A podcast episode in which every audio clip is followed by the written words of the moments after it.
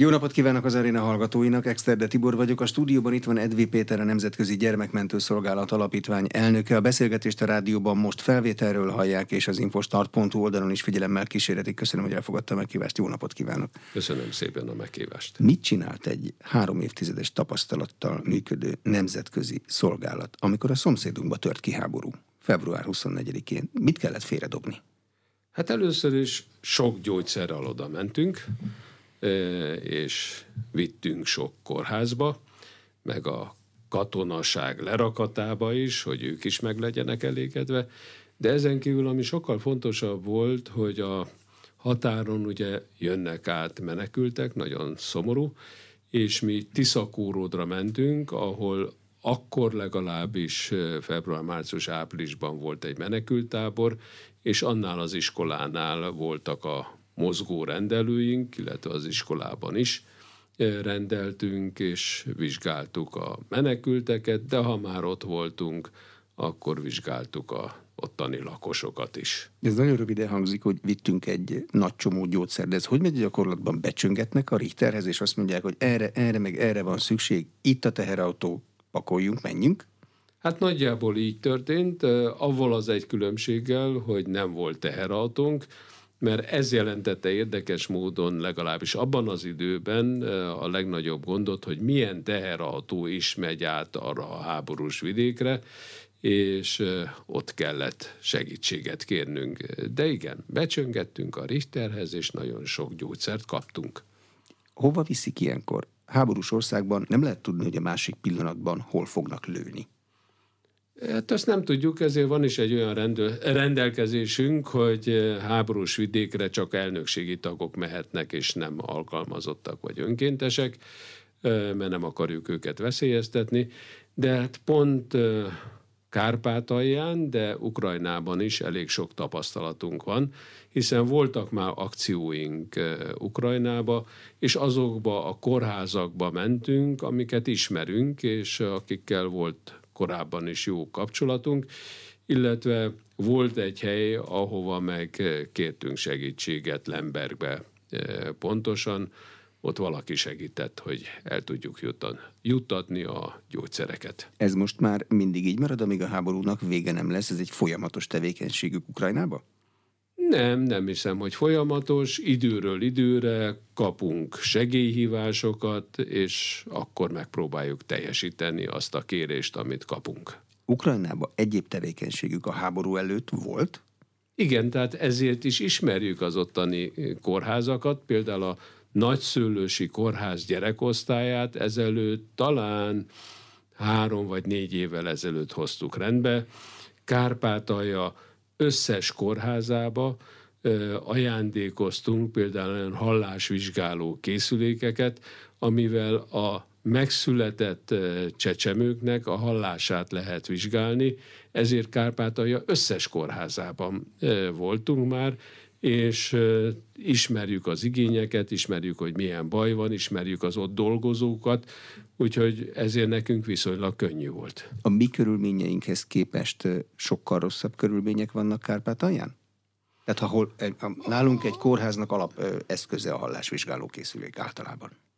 Hát maradjunk abba, hogy a akkor úgy mondom, hogy egy évvel korábban Magyarországon ajándékoztunk nagyon sok hallásvizsgáló készüléket, úgyhogy ha így veszük, akkor egy évvel már korábban Magyarországon is volt minden kórházban, és akkor meg egy évvel később pedig Kárpátalján segítettünk. De igen, a kórházak általában rosszabb állapotban vannak, és kevesebb műszer van, kevesebb gyógyszer van, és hát bizony néhány kórház van, ahol a felszereltség, de még az olyan egyszerű felszereltség is nagyon rossz állapotban van, hogy mit tudom én, az ágyak, tehát olyan ágyakban, amik ott részben vannak, abba sokan nem szívesebben feküdnének be. Még akkor is, hogyha Magyarországon is vannak olyan kórházak, ahol nem tökéletes minden, de hát annál sokkal jobb. Hogyan fogadják a gyermekmentő segítségét Kárpátalján? Nagyon szeretnek minket, nekünk soha semmilyen problémánk nem volt. már csak azért is, mert ugye a gyermekmentőnek megalakulása óta, tehát hogy 32. éve, van egy alapelve, hogy politikai kérdésben, nemzetiségi kérdésben, vallási kérdésben semlegesek és függetlenek vagyunk, tehát, hogy nem avatkozunk bele olyan dolgokba, ami vel nekünk semmi dolgunk, mi csak segíteni szeretnénk azoknak az intézményeknek, akiknek segíteni szeretnénk. Nyilván, hogyha Kárpátalján találunk olyan gondokat, ami talán egy kicsit jobban a magyarsághoz köthető, akkor ott is nagyon szívesen segítünk, de hogyha látunk egy beteg ukrán gyereket, annak is segítünk. Tehát, hogy ebből a szempontból nincs különbség. Ha nyelvet kell tanítani, ami mondjuk más vidéken van, akkor nyilván azt is el tudjuk vállalni, de mondom, nekünk kiváló kapcsolatunk van, és általában szeretnek minket. Ilyenkor a szolgálat önkéntes orvosai is mennek? Amikor hát eszközt attól visznek? függ, mert mondtam az előbb, hogyha háborús helyzet van, akkor önkéntes, de alkalmazott sem mehet, akkor csak és kizárólag az elnökség tagjai mennek, mert nem szeretnénk azt megélni, hogy valaki sérül, és akkor utólag meg úgy hangzik, hogy na jó, de hát kötelező volt, vagy nem volt kötelező, de azért presszionáltak minket. Ez a legegyszerűbb, az a szabály, hogy önkéntesnek háborús területre csak elnökségi tag mehet. Az ukrajnai tevékenység, illetve a háborúval előállt helyzet miatt más tevékenységtől kellett elvonniuk forrást? Igen, talán egy kicsit, bár pont a gyógyszert, az mit kaptunk, az olyan nagyságrendű és olyan mennyiségű volt, hogy úgyse tudtuk volna Magyarországon saját rendelőinkbe, vagy akár más kórházakba felhasználni.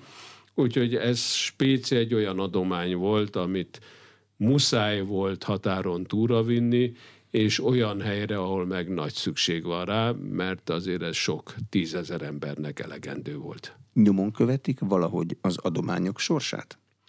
Általában mindig nyomon követjük, ezeket a gyógyszereket is nyomon követtük, kivéve egyetlen egyet, mi elvi okokból a katonaságnak abba a raktárába is adtunk gyógyszert, ahol ugyan biztosítottak minket, hogy a fronton sérült katonáknak megy, annál azért, ha teljesen őszinte vagyok, nem tudjuk egész pontosan, hogy hogy használták fel és kinek.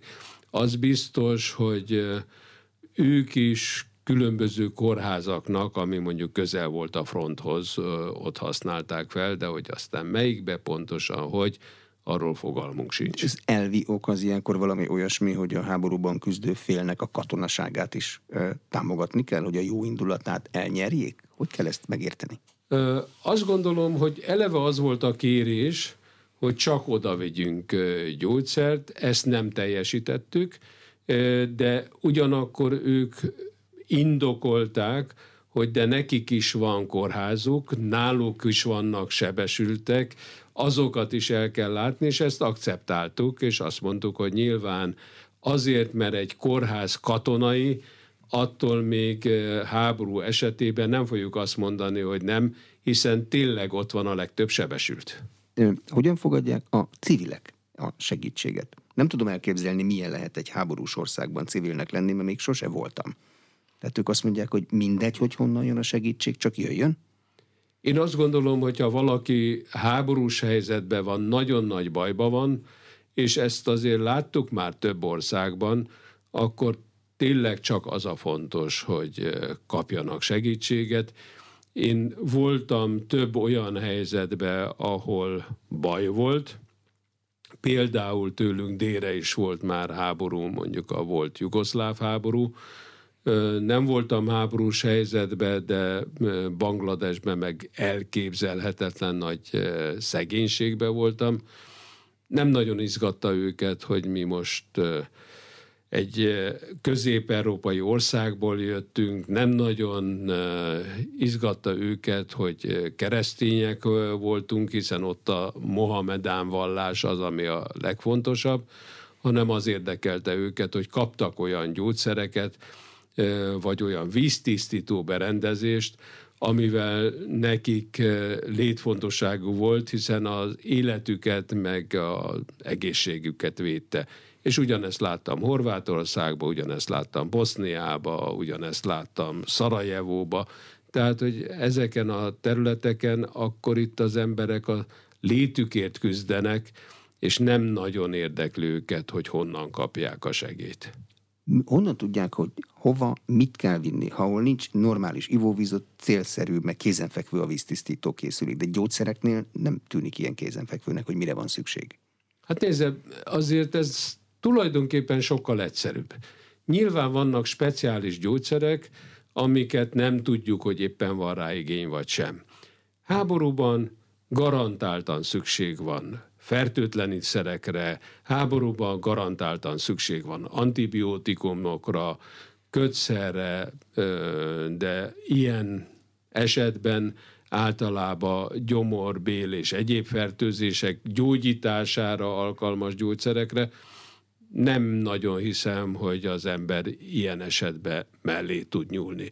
És nyilván van olyan, akinek szüksége van az érrendszeri betegsége miatt valami egész speciális gyógyszerre, ilyeneket meg általában nem nagyon viszünk, mert nagyban érkezik hozzánk a kérés, és nem az, hogy két embernek valamilyen speciális gyógyszerre van szüksége. Nagyon más helyzet egy bangladesi helyzet, a szegénység okozta katasztrófa, meg egy háborús helyzet?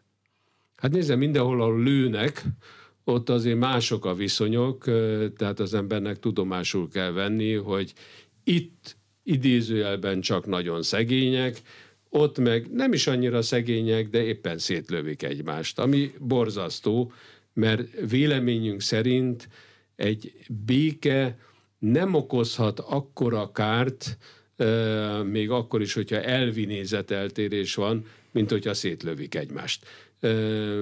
Ezért mi mindig azon a véleményen vagyunk, hogy háborúkat azonnal be kell fejezni, természetesen nem hallgatnak ránk, de hát ez egy másik dolog. Az egészségügyi programjaikban több szakorvosi program is van.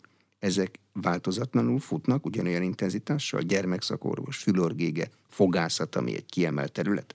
Ezek mennek? Természetesen. Tehát, hogy ezt a munkát nem hagyjuk abba, Először is vannak saját rendelőink, és most egy kicsit nem magammal, hanem inkább a szolgálattal, meg a szakorvosainkkal büszkélkedek. Azért a gyermek neurológai rendelőnk, be olyan szakemberek dolgoznak, akik egész biztos, hogy az ország legjobbjai közé tartoznak. Meg is látszik a semmi máson akkor a várólistán, tehát abba a rendelőbe hamarabb bekerülni, mint egy fél év, szinte lehetetlen, mert olyan igény van rá. Ugyanez vonatkozik a fülorgégészetünkre, audiolunkra, ahol a professzor Haki Tamás dolgozik, és ő azt állítja, hogy ő dolgozik az egyetemen is, hogy nálunk jobb a rendelő, mint az egyetemi rendelő, miközben az egyetemnek a jó rendelőjét is mi szereltük fel, mert ajándékba adtuk az egyetemnek.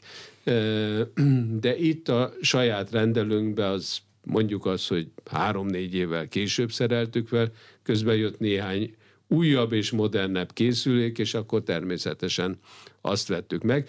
Nem is véletlen, hogy van egy együttműködési szerződésünk az egyetemmel, és a hallgatók járnak hozzánk oktatásra, mert bizonyos dolgot Tamás jobban meg tud mutatni a mi rendelőnkben, mint az egyetemnek a rendelőjébe. Tehát, hogy ezek a rendelők mennek tovább. Nagyon fontos a fogászat. Magyarországon a fogbetegségek az egy népbetegség. Tehát rengeteg embert látunk a utcán, meg hivatalokba, iskolákba, akinek rossz a fogazata. Ma Magyarországon a gyerekek legalább 50%-ának, egyesek szerint akár 60%-ának is van legalább egy lyukas foga, de van olyan vidék is, ahol a gyereknek nem egy lyukas foga van, hanem öt vagy hat. Ezekből a emberekből, ha felnő a gyerek, beteg emberek lesznek. Tehát, hogy előbb-utóbb nem lehet megmenteni az 5-6 lyukas fogát, hanem ki kell húzni, attól kezdve rosszul tud rágni. Ha rosszul tud rágni, akkor rossz lesz az emésztése is.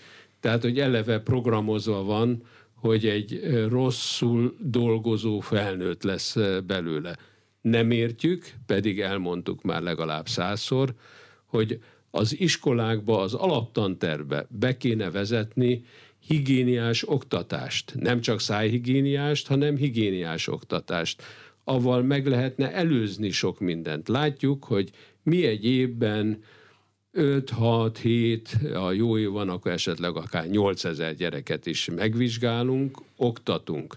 Azoknak a gyerekeknek, akiket oktatunk, azoknak jobb lesz a fogazata.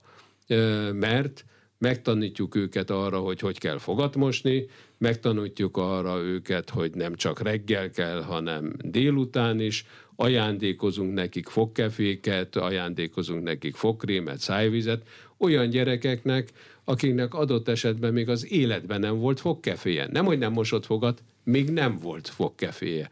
Tehát, hogy ezek végtelenül fontosak, és végtelenül fontos az is, hogy a gyereket oktassuk. Tehát, hogy van olyan ö, oktatás, ahol tartunk velük a gyerekeken bemutatókat. Tehát, hogy a gyerek azt mondja, hogy na jó, hát nem is annyira, annyira fáj a fogam, meg különben is tiszta a szám, és akkor vannak olyan ö, eszközök, olyan ö, vegyszerek, amivel, hogyha ráken a fogára, kimutatja a lepedéket, mert elszíneződik. Tehát Szép hirtelen a gyereknek kék lesz a foga. És akkor úgy néznek egymásra, és az egyik kékfogú gyerek néz a másik kékfogú gyerekre, részben kinevetik egymást, de meggyőződnek róla, hogy tényleg lepedék van a fogukon, abban meg rengeteg baktérium van, és az meg rosszat tesz a fogazatuknak nem hozott változást a fogápolásban, a kötelező óvodáztatás sem. Hát legalábbis a mi óvodánkban az óvónők erre nagyon nagy hangsúlyt tesznek. Ott állnak a gyerekek fölött, amíg rendesen meg nem mossák a fogát. És ma már ez egy általános a kötelező óvodáztatás. Áldott óvoda, de sok óvodában nincs ilyen. Mint mondtam, többek között azért is, mert a gyerekeknek nincs fogkeféje, vagy az óvodának nincs annyi, hogy a 40 gyereknek vegyen 40 fogkefét és fogpasztát hozzá. Vitathatatlanul itt vannak differenciák, meg részben olyanban is, hogy van olyan óvónő, aki tudja, hogy ez fontos, és van olyan óvónő, aki meg fütyül rá, nem is beszélve a tanárokról. Tehát, hogy itt igenis, még egyszer mondom, hogy az alaptanterbe kéne bevenni Ez ezt az oktatást, Hát azért az óvodára is van egy-két kötelező szabály, és sokkal egyszerűbb lenne utána az egészségügyeseknek a dolga, hogyha elhatározná a államtitkárság, az oktatásért felelős, ahol az óvodák tartoznak meg az iskolák, hogy igenis a szájhigiéniát de egyáltalán a testhigiéniát oktatni kell, tanítani kell. Ez végtelen fontos lenne, és mondom, szerintem az eredmény utána milliárdokban, tízmilliárdokban lenne kifejezhető, hiszen egyik oldalról nem kellene fogorvosokra annyi pénzt kiadni, ez lenne az egyik oldal, a másik oldalról, hogyha valaki nem beteg, ha jól tud rágni, ha nem kell fogorvoshoz járjon, ha ö, teljesen egészséges, akkor jobban is fog dolgozni, kevesebb beteg napja lesz, jobb kedvel dolgozik, mint hogyha fáj állandóan a ínye, a foga, tehát, hogy ezek sok-sok milliárdos összegről beszélünk, ami meg nagyon egyszerűen olcsón megoldható lenne. Saját tapasztalataikból látják, hogy ahol egyszer már voltak, és a gyerekek kékfoggal nevettek egymáson, ott a következő évben jobb a helyzet? Általában igen, de ez mindig függ az iskolától is. Ha sikerül egyúttal az iskola igazgatóját, tanárait is meggyőznünk, ez lényeges, akkor jobb. Ha nem sikerül az iskolának a vezetői tanárait meggyőzők, akkor nem, akkor muszáj visszamennünk. Tehát vannak olyan iskolák, ahol láttuk azt, hogy két év múlva ugyanúgy nem mossák a fogaikat a gyerekek, mint ahogy korábban sem mosták, és vannak olyan iskolák, ahol visszamegyünk három-négy év múlva, és a gyerekeknek hirtelen szép és ápolt a foga. Akkor is van még néhány lyukas fog, de sokkal, de sokkal kevesebb. És minél korábban kezdjük, azt is látjuk, annál kevesebb lyukas fog van. Tehát, hogy ez is fontos, hogy igazából ezt az oktatást már az óvodába kell elkezdeni, de leges legkésőbb az alsó osztályokba, hogy mielőtt még a végleges fogak jönnek, azelőtt tanulják meg a gyerekek a fogállapolásnak a lényegét, meg a fontosságát. Mi a második legfontosabb a fog és a testhigiénia után? Szemészet? Hallás? Nőgyógyászat?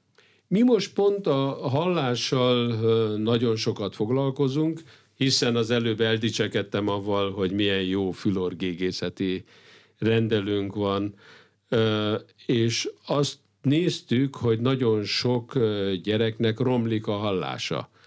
Lekértük a statisztikákat a statisztikai hivataltól is, meg az egészségbiztosítóktól is. Az egészségbiztosítók az elmúlt években évről évre több hallókészüléket fizetnek, mert a gyerekeknek a hallása romlik. Romlik a felnőtteké is, de mondjuk mi a gyerekekkel foglalkozunk elsősorban.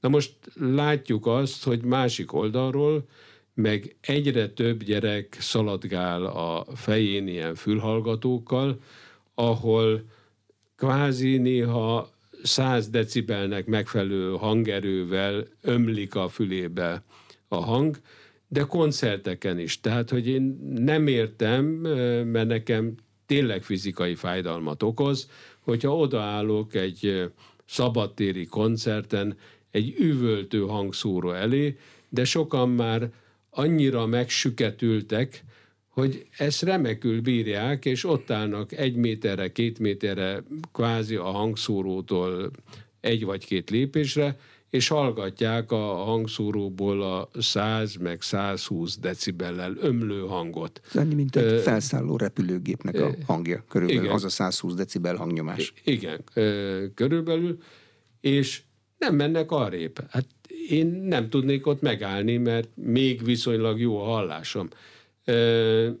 Most ebből csináltunk is egy törvénytervezetet, és reméljük, hogy a parlament el fogja fogadni, amiben az ilyen hangerőket betiltjuk, vagy védősávot teszünk kötelezővé. Ne lehessen közel menni. Igen, hogy ne lehessen közel menni, vagy ne lehessen olyan hangos. Ugyanez vonatkozik a mozikra is.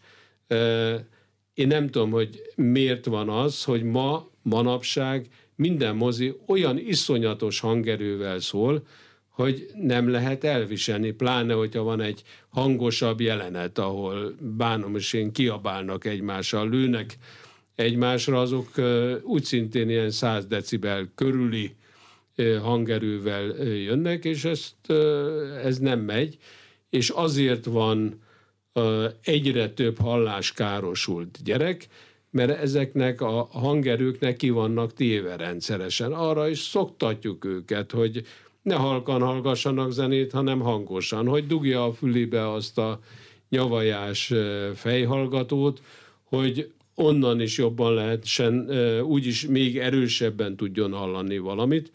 Ugyanakkor meg kevesen tudják, hogy ezek olyan károsodások, amit később nem lehet gyógyítani. Ez csak egy rosszabb lesz. Tehát, hogy ez csak rosszabb lesz, és nem tudunk ezen segíteni, csak megelőzni tudjuk. És a megelőzés az megvégtelen fontos. Említette a törvényjavaslatot, amit előkészítettek, vagyis javaslatot tettek, ez az alaptevék 12 tevékenységük egyike a törvény előkészítés. Igen. Sikerre szokott vezetni a végén, vagy általában a lobbik kilövik a lényegét? Nem, mert nagyon szívós fajták vagyunk, és megoldjuk. De nem könnyű. Tehát, hogy ez a törvény például már bent volt egyszer a parlament előtt, és nem ment át. Különböző okokból, de nem ment át. Azt is el kell tudni viselni, hogy egy ilyen törvénytervezet végigmegy az összes döntéshozón, az összes minisztériumon, és azoknak mind van ötlete.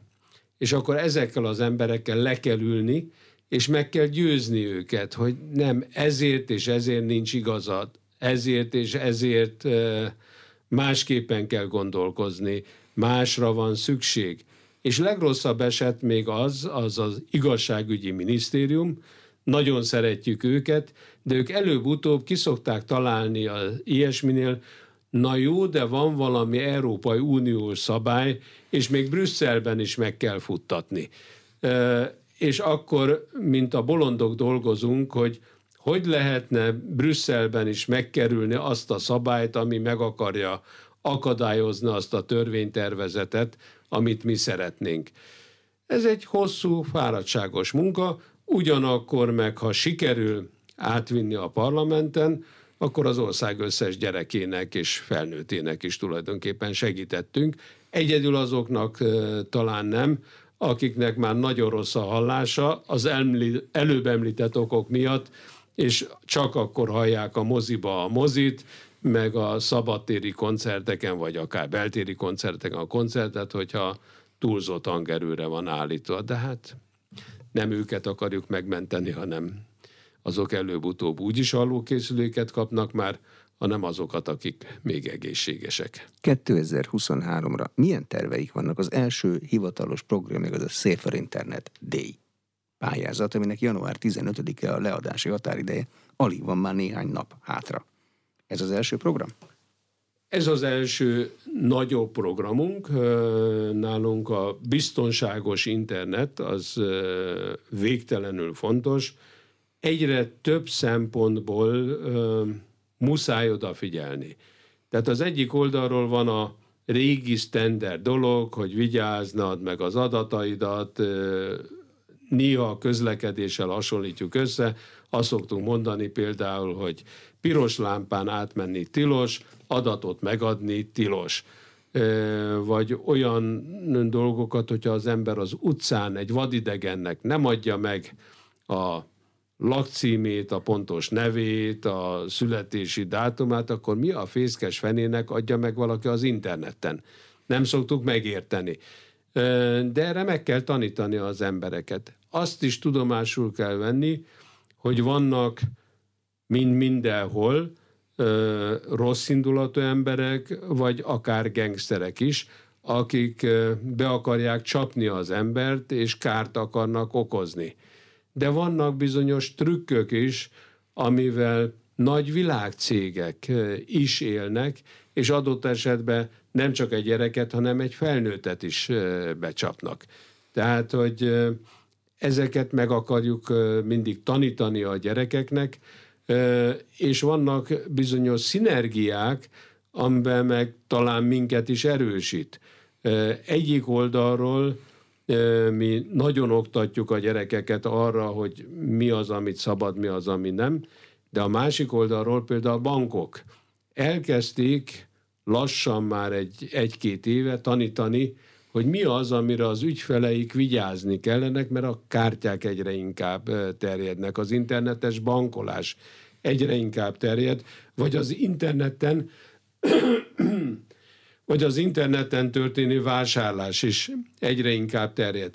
Ezzel a becsapási lehetőség is egyre inkább terjed, és a bankok megfigyelték azt, hogy hát az ügyfelüknek mondjuk azt, hogy egy-két százalékát becsapják, kirabolják, leemeljék a bank számlárukról a, a pénzt, vagy pedig olyat mit terhelnek rájuk, amit igazából nem is ők vettek meg. Na most ez a két kívánság, hogy mi tanítjuk a gyerekeket, és vigyázzunk arra, hogy minél többet tudjanak a biztonságos internet használatáról, meg a bankoknak a kereskedelmi, bankolási vágya valahol találkozik a mi oktatásunkkal, és ezért most éppen arról tárgyalunk, hogy hogy fogjunk össze, mi az, amit mi beépítsünk a mi saját oktatási rendszerünkbe, annak érdekébe, hogy kevésbé csapják be a gyerekeket is, de a felnőtteket is. Én tudok mondani egy példát. Vannak nagyon nagy világcégek, akik például gyerekjátékokat forgalmaznak. Előbb-utóbb a gyerek garantáltan rábeszéli anyukát, apukát, hogy vásároljon valamit neki. Ez teljesen rendben van, hát szerettem a gyerekemet, hogy ne vásárolnánk neki. Megadom a bankkártya számomat. Már régen nem vagyok ott a terminálnál, vagy a laptopnál, vagy akárhol, ahol a gyerek vásárolt, majd hirtelen ö, már rég ne, nem vagyok ott, és akkor feltűnik egy kérdés, hogy akarod-e, hogy a bankszámla számodat regisztráljuk? Gyerek már egyedül van, esetleg rákattint. Majd mondjuk azt, hogy eltelik egy hét vagy kettő, és hirtelen az a cég megkérdezi a gyereket, hogy akarod, hogy ezt a játékot megkapd? Ugyanúgy rákattint. Egy ilyen félméteres betűkkel. Alul, kis apró betűvel meg ott van, hogy 25 euróba kerül.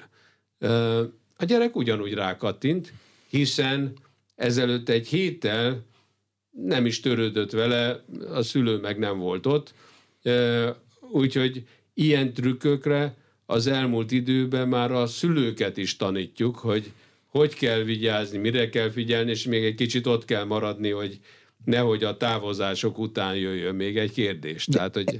Elég szívósak ahhoz, hogy a biztonságos internet szabályait hm. hosszú időn keresztül súlykolják? Azért kérdezem, mert ha most megnézem mondjuk a Facebookot, akkor ott nem csak a fényképet, lakcímet, gyerekekről fényképet, hanem még azt is megtudom, hogy hol volt tavaly, tavaly előtt nyáron, meg azt, hogy hova akar menni most sielni télen. Lényegében minden. Mikor üles a lakás, azt is megtudom. Mindent. Sajnos ez nagy baj. Öm, arra tanítjuk a gyerekeket, hogy ne tegyenek mindent fel az internetre. Adott esetben a mindenáron közölni akarják a világgal, hogy ők hol voltak, és milyen jól nyaraltak, vagy hogyan mennek síelni, vagy mikor nincsenek otthon, akkor azt maximum egy zárt csoportba ö, tegyék fel, és nem a nagy nyilvánosságra. Mi egy évben körülbelül 30 ezer gyereket ö, tudunk oktatni, de ez is egy olyan dolog, aminél azt gondolom, hogy a nemzeti alaptanterben lenne igazából a helye. A, nemzeti alaptanterv ugye alakul az internet szempontjából tulajdonképpen hetente kéne, hogy alakuljon, hanem naponta, de nagyon lassan kerülnek be ilyenek, miközben azért azt halljuk, hogy hát az oktatásnak lépés kell tartani a változó világgal. Teljesen más tanulnak az én gyerekeim, mint amit még én tanultam a iskolába Ma már nem olyan divat én tőlem egy verset megtanulni kívülről, mint ahogy nekünk meg kellett egy csomó mindent tanulni. Ők meg bizony szempontból más összefüggéseket tartanak, de hát az összefüggésekhez sajnos az is hozzátartozik, hogy az internetet, az informatikát hogy lehet használni, mire szabad használni, mi az, amivel nagyon jó és nagyon hasznos, és mi az, amivel nagyon káros. Uh-huh. És itt értek már el eredményeket, egyáltalán lehet mérni bárhol az internet biztonságos használatába befektetett munka eredményét? Azt gondolom, hogy azokban az iskolákban, közösségekben, ahol sokat oktattunk, gyakran oktattunk, ott igen, főleg akkor, hogyha a pedagógus is partner volt ahol a pedagógus csak úgy legyintett egyet, na jó, hát hogyha mindenáron akarnak egy plusz órát tanítani szegény gyerekeknek, ott kevésbé, mert a pedagógus nem volt partner, és a pedagógus sem törődött ezzel a témával. Úgyhogy van olyan hely, ahol igen, eredményt értünk el, és van olyan hely, ahol félig meddig kidobott tudás volt az ablakon, de ugyanakkor mindig van egy-két gyerek, aki azért komolyabban veszi, és adott esetben öt évvel később is azt mondja, hogy ha visszatérünk abba az iskolába, hogy igen, igen, én akkor tanultam meg, hogy nem szabad megadnom a bankszámlaszámot, vagy nem szabad megmondanom, hogy mikor megyünk nyaralni. Bocsánat a kérdésére, de saját gyerekei betartják a biztonságos internetezés szabályait? Általában igen, de nem akarom letagadni, hogy a saját gyerekeim is már buktak bele olyan dologba, ahol, hogy egy kicsit óvatosabbak lettek volna, akkor nem tették volna. Mekkora területen dolgozik a Nemzetközi Gyermekmentő Szolgálat, hogyha a régi Magyarországot vesszük? Kárpátaljáról már beszéltünk, Románia. Erdélyben nagyon Erdélyben? sokat járunk. Tehát, hogyha tulajdonképpen azt vesszük, hogy mekkora területen, akkor azt kell mondanom, hogy nagyobb területen, mint a régi Magyarország volt, de ez a terület is bizonyos szempontból sok is nekünk, mert nyilván lenne akár itt a Budapest szélén is olyan kérés, amit nem tudunk kielégíteni, mert arra figyelünk, hogy mondjuk az ezer kilométerre lakó csángóknak is segítsünk, ami pedig a Kárpátokon túl van, de igyekszünk a legfontosabb bajokat orvosolni, miközben természetesen tudjuk, hogy mi egy kis vagy közepes nagyságú civil szervezet vagyunk, és nem tudunk minden gondot megoldani, de hát ez így rendben is van, mindenki segítsen, ahol tud. Ha mindenki annyit segítene, mint mi, akkor valószínűleg jobb helyzetben lenne nem csak Magyarország, hanem egy kicsit még a határterületek is. Tőlünk ezer kilométerre élő csángók, ők hogy jönnek a szervezet célkeresztjébe? Egyszer csak valaki azt gondolja, hogy hé, elnézést, de hát ott a mieink élnek? Ö, akkor sokkal inkább mondom a tényleges történetet. Mi elég sokat járunk Székelyföldre, és ott vizsgáljuk, gyógyítjuk a gyerekeket. Egy szép nap, és ez olyan 25 évvel ezelőtt volt körülbelül, bejött hozzánk valaki, és azt mondta, hogy és nekünk miért nem segítetek? Hát mondtuk, hogy azért, mert kicsik vagyunk, meg nem érünk el oda, nem tudunk többet segíteni. Aztán mondta az illető, hogy de hát az az igazság, hogy a csángók nem segíti már senki sem körülbelül 400 éve, és miért van az, hogy Erdélyben olyan sokat segítünk, Székelyföldön olyan sokat segítünk, ők meg a legszegényebbek, és soha senki nem segít rajtuk. És hát ezen egy kicsit elgondolkoztunk, és csináltunk egy kompromisszumot, hogy azt mondtuk, hogy ha egy úton vagyunk, akkor nem tudunk ennyire ilyen távolra elmenni, mert az még további 300 kilométerre van Székelyföldtől elég vacak utakon, de fizetünk nektek két buszt, és azokkal a buszokkal hozzátok át a legrászulóbb gyerekeket. És azóta ezt csináljuk, meg meghívjuk őket Magyarországra, tehát többször voltak a parlamenti karácsonyon, többször voltak az operaházba, többször voltak a gyereknapon, és aztán azóta ugye ez azért fejlődik, több olyan gyerek volt, akinek a magyarországi műtétjét fizettük, vagy itt Magyarországon vizsgáltuk ki, vagy vizsgáltattuk ki.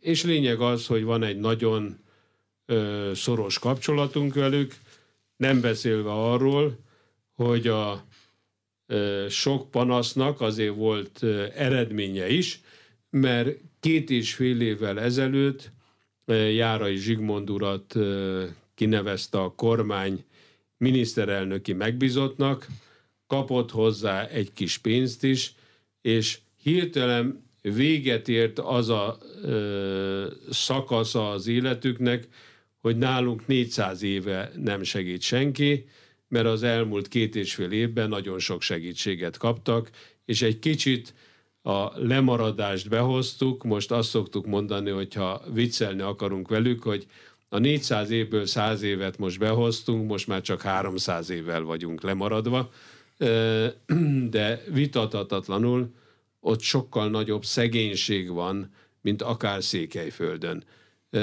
Tehát azért ez is fontos, és ez a mi munkánkat, tevékenységünket befolyásolja. Tehát szánunk arra adott esetben akár két napot is, hogy az ottani gyerekeket vizsgáljunk, ott minden esetre él egy 60 ezeres kisebbség, akiknek mi megpróbálunk segíteni. Majdnem az egyetlen olyan hely, ahol nagyon tudatosan csak csángó magyaroknak segítünk, bár ettől függetlenül a csángó magyarok közül elég sokan már el vannak románosodva, és ebből a szempontból nem csinálunk semmi különbséget, hogy román gyerek, vagy magyar gyerek, vagy csángó gyerek, ha beteg, akkor segítünk. De általában itt a rászorultsági elv érvényesül a Nemzetközi Gyermekmentő, de mert ez van az alapító okiratokban kiemelve, hogy értelmileg, fizikálisan sérült Igen, emberekről teljesen van szó. egyértelműen, ezt száz százalékba betartjuk, tehát hogyha egy gyereknek szüksége van a mi munkánkra, a mi segítségünkre, és ott van nálunk, akkor garantáltan csak ez az elv érvényesült, semmi más nem érdekel minket. Egyébként semmi más. Nyilván, mint ahogy az előbb is mondtam, van egy bizonyos határ, amin túl nem tudunk segíteni, de addig, ameddig bírjuk, akkor ezeknek a gyereknek, gyerekeknek mindig segítünk. Említette Járai Zsigmond kinevezését. Hogy működik egy ilyen? A kormányban megszületik a gondolat, hogy 400 év után a csángóknak kellene valamilyen hivatalos segítség, vagy megnézik a gyermekmentőt, és a Magyar Egyesület elnökén, a házelnökön keresztül eljut a gondolat a kormányhoz. Tehát mi ennek Ez a valahogy így történt, sok alkuval, sok problémával, de azt rögtön akceptálta a kormány, hogy vitatatlan a csángok soha semmit nem kaptak. Így alakult ki az, hogy azt mondta a kormány, hogy vitatatlan soha semmit nem kaptak, hát akkor csináljunk egy programot, amin keresztül segítjük őket, és ennek az élére Járai Zsigmondot nevezték ki, aki meg szereti a csángokat, szeret odajárni, és sokat is segít nekik. Neki van egy saját kis irodája, és ők fogják össze ezt a programot, ők járnak oda, ők csinálnak sok mindent. Mi meg egy kicsit besegítünk nekik, tehát hogyha látunk egy olyan helyet, ahol éppen összedől az iskola, ha látunk valami komolyabb gondot, akkor megkérjük őket, hogy figyeljetek ide, lábnyikba nagyon nagy baj van, vagy Somoskán, vagy akárhol, segítsetek, légy szíves, és ők meg jönnek és segítenek. Egy éppen romba dőlő iskola az nem egy olcsó mulatság. A Nemzetközi Gyermekmentő az milyen támogatásokból él? Nagy cégek, közepes cégek? Állam? Kiszáll be? Nagyon különböző. A, először is nagy cégek, olyanok, mint a OTP a legnagyobb támogatónk, ides tovább már olyan 26-27 éve. Ők rengeteget segítenek. Ők vásárolták például nekünk Svájcból a mozgófogászati rendelőnket is, amivel járjuk az országot és a környező országokat. De vannak kis nyugdíjasok, akik nem is pénzzel segítenek, hanem segítenek terelni a gyereknap vagy karácsonykor a gyerekeket, ragasztják a borítékokat, szétosztják az ajándékokat, tehát, hogy nagyon sokan sokféleképpen segítenek. Nekünk szerencsére sok tagunk van, és van két vagy három lényeges csoport, akik nekünk nagyon sokat segítenek. Először is van az önkéntes orvoscsoportunk. Abban 108 orvos van, az különböző klinikákról, és ők jönnek, és ingyen és bérmentve segítenek. Ebben rengeteg pénzt spórolunk meg, hiszen 108 orvos azért rengeteget tud tenni. Van együttműködési megállapodásunk több egyetemmel, sok magyarországi egyetemmel, meg sok kórházzal, akikkel megállapodtunk abba, hogyha mi küldünk egy gyereket oda, akkor HBC alapon számolnak el velünk, és nem külföldi tarifa alapján. Az egy úgy szintén sok milliós különbség, ha egy gyereket HBC alapon számolnak el, Olyan, mint a magyar állampolgár lenne TB Mint hogy a magyar állampolgár lenne. Ebben is van nagy-nagy különbség. Nagy különbség az is, hogy nekünk vannak önkéntes jogászaink. Az előbb mondtam, hogy mi törvénytervezetek előkészítésével foglalkozunk, egyeztetjük a minisztériumokkal, a parlamenttel, de hát ehhez nagyon felkészült jogászok kellenek, akik meg tudják ezt írni. Úgy tudják megírni, hogy a minisztériumok sem találnak benne hibát, csak legfeljebb más felfogással vannak egyes minisztériumok, hogy miért nincs ez, vagy az, vagy amaz még benne, de nem hibázunk. Tehát tudják a minisztériumok, hogy jól el, előkészített anyagot kapnak. Nem hivatalból dobják vissza, hanem muszáj vele foglalkozni. Hanem muszáj vele foglalkozni, és akkor nézegetik, és legtöbbször dicsérik az anyagot, amit megkapnak. Nagyon sok sportolónk van, művészeink vannak, akik segítik a munkánkat. A gyermekmentőnek minden évben van például május végén, a közgyűlés környékén vagy napján egy koncertje. Mindig, tehát 32 évesek vagyunk, a 32 év alatt a 32 koncertet ingyen kaptuk meg azoktól a ö, művészektől, akik vagy tagja, vagy támogatják a gyermekmentőt. Itt Kocsi Zoltánt, aki szegény már nem él, volt a legelső, aki élete végéig, neki pont május 30-án volt a születésnapja, élete végéig 27 alkalommal a születésnapi koncertjét a gyermekmentő szolgálatnak ajándékozta. Kevesen tudják, hogy a gyermekmentőnek van egy sportbizottsága. Valószínűleg csodálkozni fog, hogyha elmondom, hogy a gyermekmentő sportbizottságát Puskás Ferenc, Krosics Gyula, Buzánszki Jenő, Hidekuti Nándor és Szepesi György alapította, ergo az alap, aranycsapat, és nagyon sokáig aktívan részt is vettek a munkánkba. Tehát volt egy olyan szakasz, amikor az orvos csoport tagjait néha a tanfelügyelők, néha a polgármesterek zavarták Székelyföldön vagy Erdélybe, hogy miért pont tanidőbe vizsgálunk. Hát mondtuk mindig nekik, hogy hát a gyerek egy óráig iskolában van, esetleg két óráig, hát pont ezt az időt, hogy egybe vannak, együtt vannak, szeretnénk kihasználni. És akkor morogtak. Buzánszki Jenő volt az, aki mindig mondta, hogy de hát akkor csináljunk egy focikupát. Én meg Jenőnek mindig mondtam, hogy Jenő, adjál már békén nekünk, annyi bajunk van most még focizni, és ne viccelj már.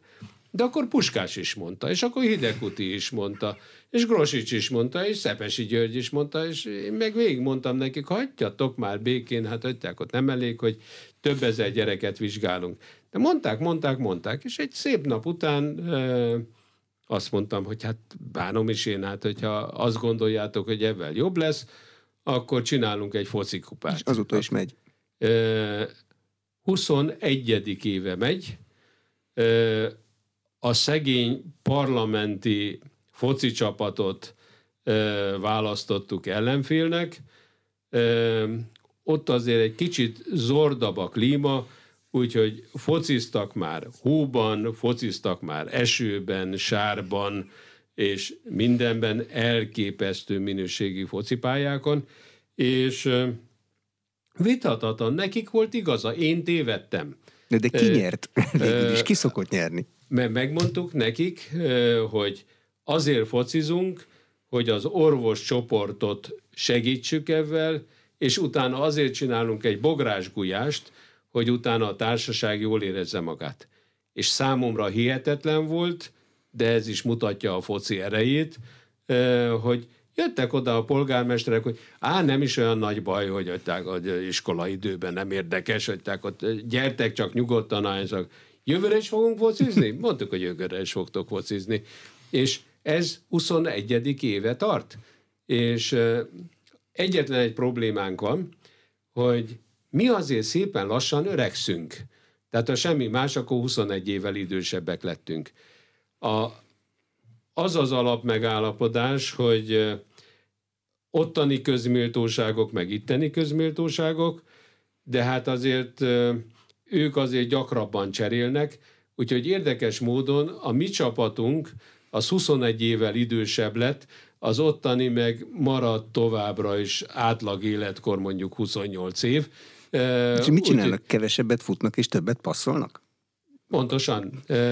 Tehát, hogy a, tudom, hogy Nem olyan régen itt volt Kövér László úr, ő a parlamenti csapatnak a csapatkapitánya, mindig Balbeket szoktam mondani, játszik. hogy ő is játszik, persze. Hogy rúgjátok már előre, meg többet egymáshoz, nekünk nagyobb a rutinunk.